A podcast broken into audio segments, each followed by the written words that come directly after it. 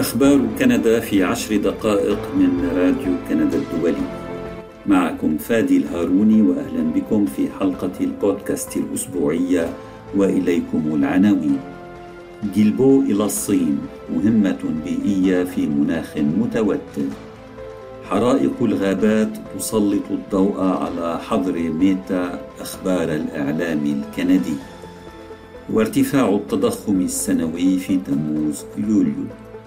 التفاصيل من راديو كندا الدولي فيما التوترات حادة مع بكين والحكومة الكندية تستعد لإطلاق تحقيق عام مستقل حول التدخلات الصينية في الشؤون الكندية يسافر وزير البيئة والتغيرات المناخية الفيدرالي ستيفن جيلبو إلى الصين في مهمة دبلوماسية.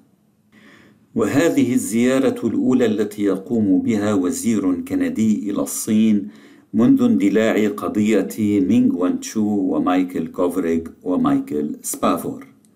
يذكر أنه في كانون الأول ديسمبر من عام 2018 احتجزت الصين الكنديين كوفريغ وسبافور ردا على توقيف المديرة المالية لعملاق الاتصالات الصيني هواوي مينغ وان تشو في فانكوفر بناء على طلب من السلطات الأمريكية.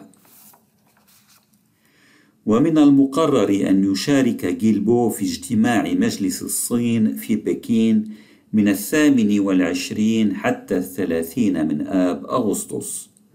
والمجلس منظمة أنشأتها الصين وكندا معا في تسعينيات القرن الماضي لمساعدة الحكومة الصينية على تطوير سياسات بيئية. وفي مقابلة مع راديو كندا لم يتردد وزير البيئة في حكومة جوستن ترودو الليبرالية في الحديث عن نقطة انطلاق واعدة لإعادة العلاقات بين أوتاوا وبكين.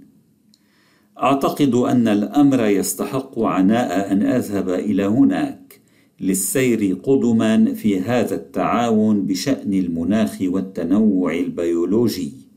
وربما أيضا للبدء في إعادة بناء الجسور مع الصين على المستوى الدبلوماسي قال جيلبو. وتلقى وزير البيئة والتغيرات المناخية الكندي الدعوة لزيارة الصين من نظيره الصيني هوانغ رونكيو.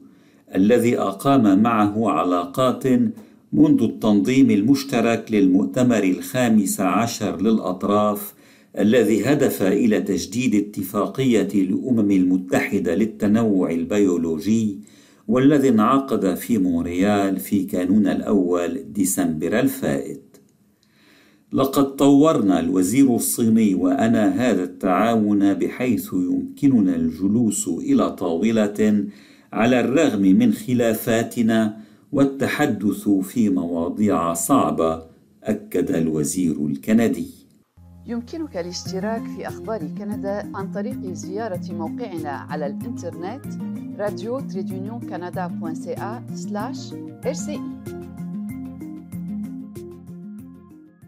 تظهر عملية الإجلاء الضخمة الجارية في الأقاليم الشمالية الغربية وتلك التي بدأت في منطقة كيلونا في مقاطعة بريتش كولومبيا بسبب حرائق الغابات تظهر عواقب حظر عملاق الإنترنت ميتا أخبار مواقع كندية على منصتيه فيسبوك وإنستغرام.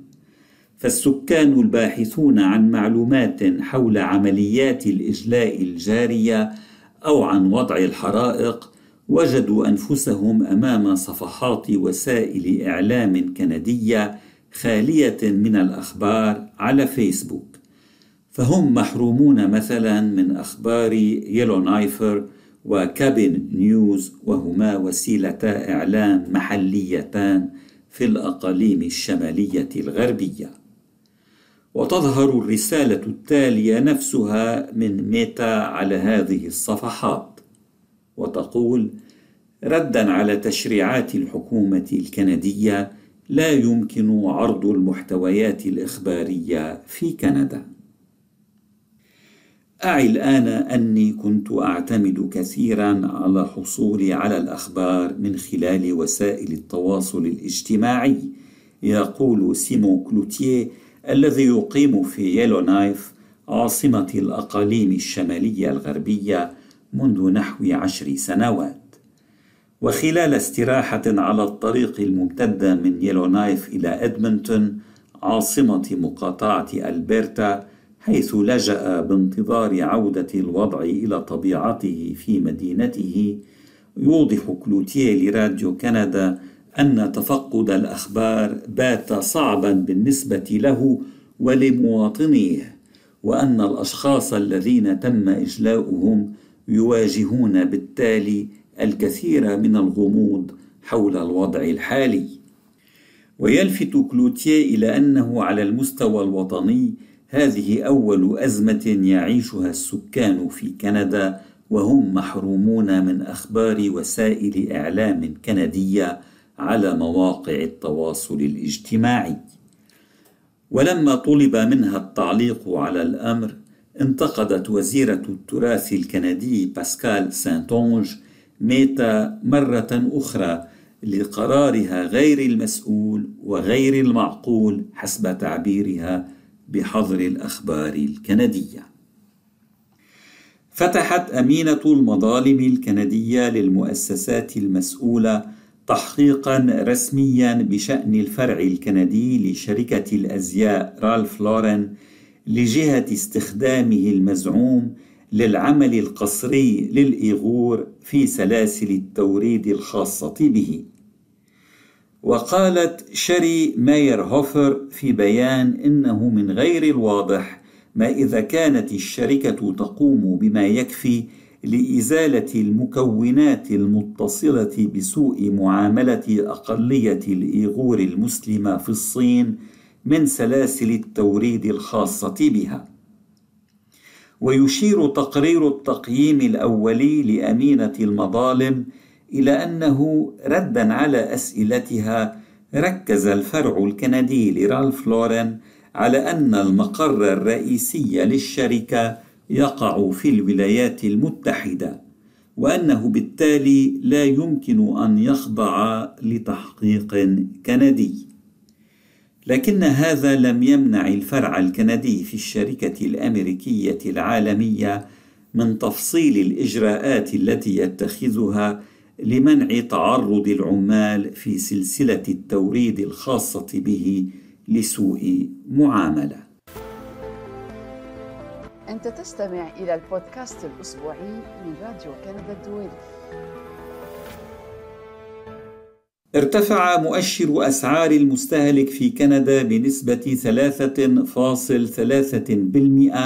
على أساس سنوي في تموز يوليو مسجلا تسارعا في وتيرة نمو الأسعار منذ حزيران يونيو وفق ما أفادت به يوم الثلاثاء وكالة الأحصاء الكندية. وكان معدل التضخم السنوي قد انخفض إلى 2.8%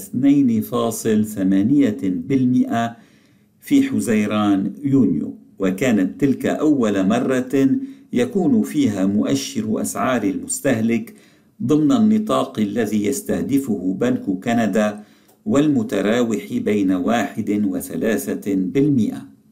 وتعزو وكالة الإحصاء ارتفاع التضخم الشهر الماضي إلى انخفاض سنوي في أسعار البنزين أدنى من ذاك المسجل في الشهر السابق.